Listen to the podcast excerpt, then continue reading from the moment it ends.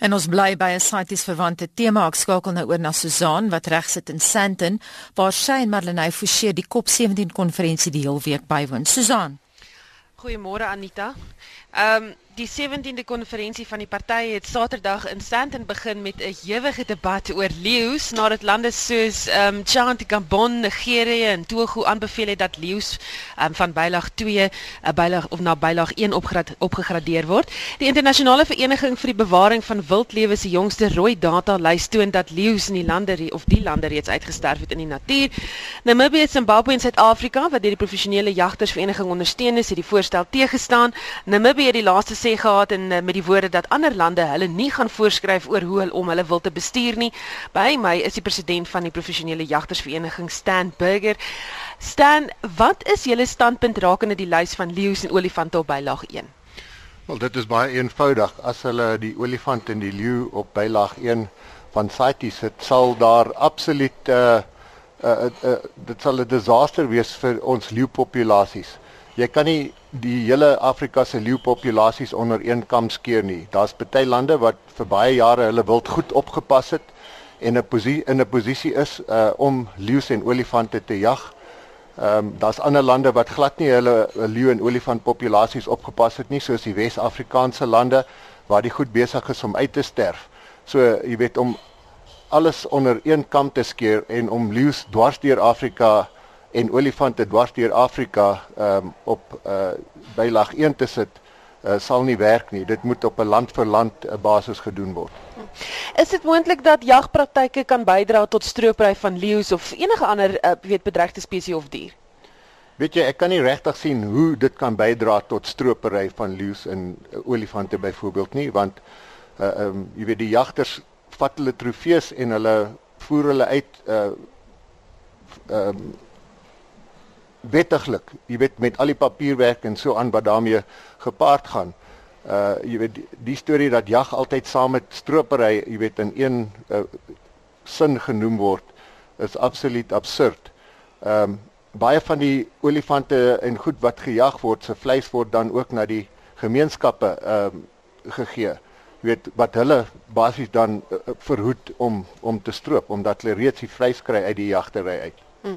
Ons gaan nou oor daai gesels, maar ehm um, jy weet die, die woord eh, wat rondgegooi word wanneer hulle praat oor jag is geblikte leeujag. Wat is julle standpunt daaroor? Ja. Kyk, Fase het homself gedistansieer van ehm um, geblikte uh, sorry, geblikte leeujag is totaal onwettig. Uh, wat ons van praat is captive bred lion hunting en daai twee goed canned hunting en captive bred hunting word altyd in een sin genoem ook. Uh Fase het homself gedistansieer from captive bred lion hunting and breeding ehm um, en ons lede mag glad nie aan daai aktiwiteite deelneem nie. Uh en as ons lede ehm um, aan daai aktiwiteite deelneem, gaan hulle deur 'n dissiplinêre proses en kan hulle geskort word uit fase uit. Hmm. Goed, dan uh jy het so 'n bietjie daaraan geraak nou, maar hoe kan jag 'n gemeenskap help om uh, nie betrokke te raak by stropery aktiwiteite nie? Ehm um, soos byvoorbeeld, jy weet, hoe werk dit in Botswana in Afrika lande? Daar's mos ja. planne daar. Ja, die gemeenskappe is gewoonlik baie ver van enige geriewe in in dorpe af en as jy daar buite is en jy het 'n stryd elke dag net om te oorlewe. Ehm um, dan gaan jy natuurlik begin stroop as dit gaan net om jou oor jou maag vol te maak. Die jagters wat in daai groot gebiede bly uh en jag vat gewoonlik die vleis wat hulle weet met die diere wat hulle jag word uh, na die uh, verskillende gemeenskappe gevat en dit word uitgedeel onder die gemeenskappe en so die gemeenskappe begin dan 'n voordeel trek uit die jagtery uit. Hulle kry daarin vleis en baie keer kry hulle ehm, 'n um, gedeelte van die trofeefooi van daai dier wat hulle dan in staat stel om skole te bou of om 'n om 'n kliniek te bou of uh jy weet of om 'n uh, hulle gemeenskap boorgate te boor en so voort.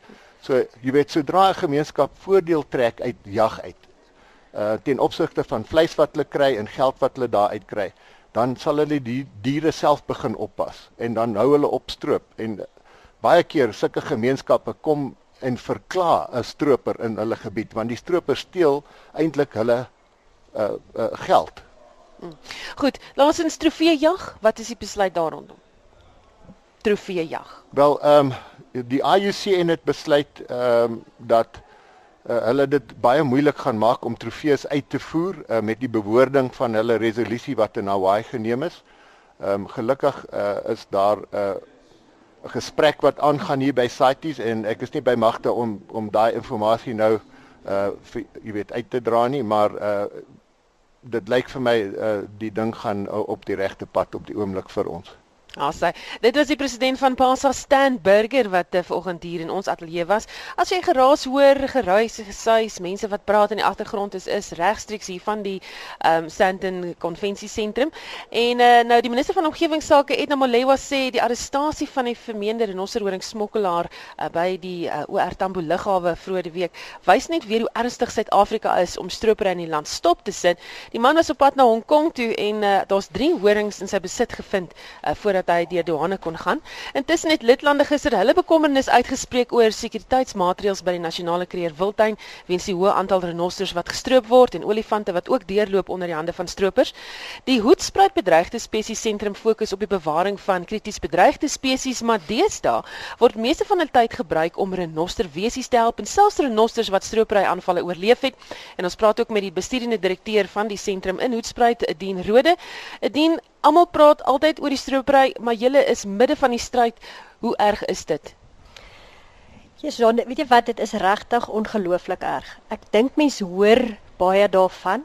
En ek dink daar's, jy weet, verstaan jy, is baie keer die uh, te veel inligting oorweldig jou dat jy jy weet half begin dit dit dink nee dit is nie so erg nie maar dit dit is regtig weet jy wat mense daagliks kom jy daarmee te doen?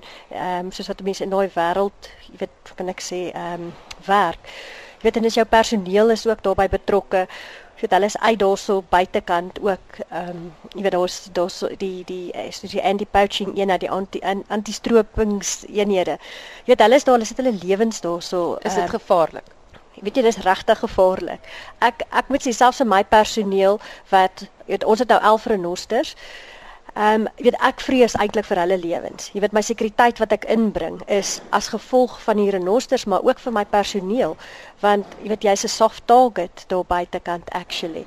Ehm um, jy weet mense vat my baie keer aan omdat ek onthoring. Jy weet die wat by ons is wat horings begin kry. Maar vir my is dit verstaan jy regtig maar uh, kan ek sê op proaktief op te tree dat ek eerder soveel as moontlik doen. Ehm um, jy weet ons het ehm um, honde in ons het ehm um, jy weet alarmstelsels in, weet ons het nou kameras in. Jy weet dit is regtig, jy weet dis half kan ek sê bizar wat jy alles moet doen en jy weet jy moet heeltyd vooruit dink. Ehm um, voor hulle, jy weet jy moet later amper dink soos een van hulle, weet wat is jou volgende stap? Um, maar maar neem dit hulpbronne weg van ander spesies wat ook hulp nodig het. Weet jy, ek dink verseker so. Ehm um, jy weet ek dink dit vat ook jou jou ehm um, jou bronne, jy weet jou geldelike bronne weg van jou communities as well. Jy weet jou gemeenskappe, jou kinders, jy weet waar daar kindersorg betrokke is.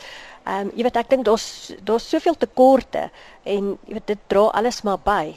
Hm. Um, wat is van die ergste gevalle wat nou al daar by julle aangekom het wat julle diere moes help?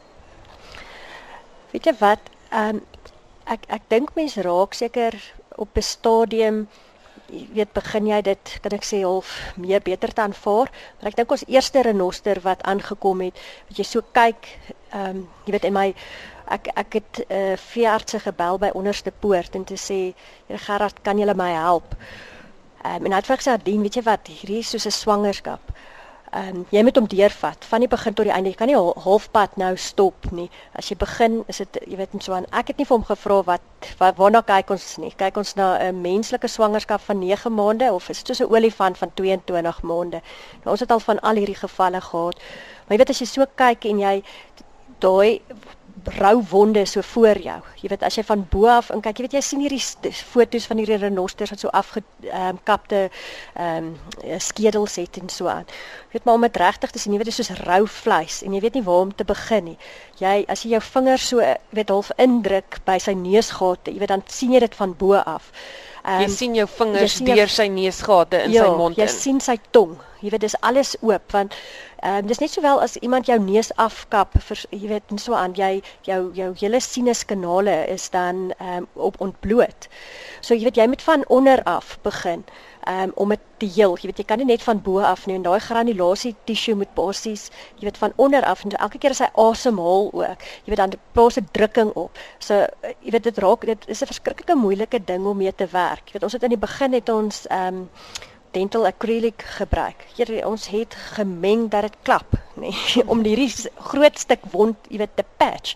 Ja, ons het dit het glad nie gewerk nie. Dit ons later begin om gips te gebruik om net daai groot wond oop te maak, ag toe te maak, nê. Nee, ehm um, met die gips, maar dit het gou-gou het hulle dit afgeskuur.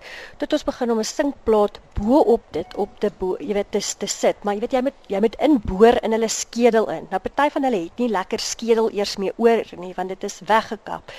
Ehm um, jy weet en dit maak jou jou proses baie moeilik om mee te werk.